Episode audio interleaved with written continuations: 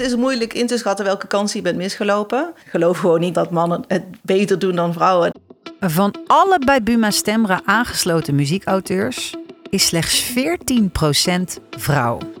En dat is wel weinig, toch?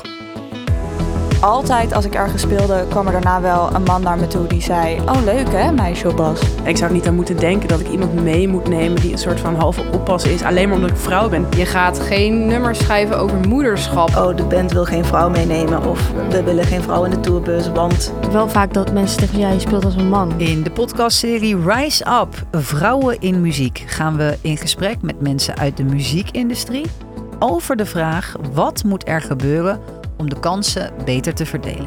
Dat maakproces, dat is echt een mannenbusiness. Ja, het aanbod van mannen is gewoon veel groter.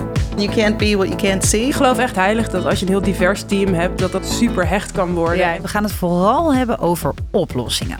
Want wat kunnen we van elkaar leren en hoe werken we sneller toe naar gelijke kansen? Ik pleit ook vaak voor quota. Misschien is het soms ook wel goed om eventjes met de botte bel eh, erin te gaan. Laat meisjes van het begin af aan met alle instrumenten in aanraking komen. Show, don't tell. Dat is Ja, eigenlijk ja, het hele ja. ding. En eigenlijk het belangrijkste is dan om, om gewoon heel goed te gaan zoeken naar, naar goede rolmodellen. Dat ik dan gitaarles geef aan meisjes. Ja, ik probeer dat echt ook een beetje te laten zien wat ik dan doe. En Ja, van kijk, dit kan. Ja, en ik weet je, heb ervoor dit gekozen om doe het ik echt en- te doen. ja, dat en kan gewoon echt- jij ook ja. doen.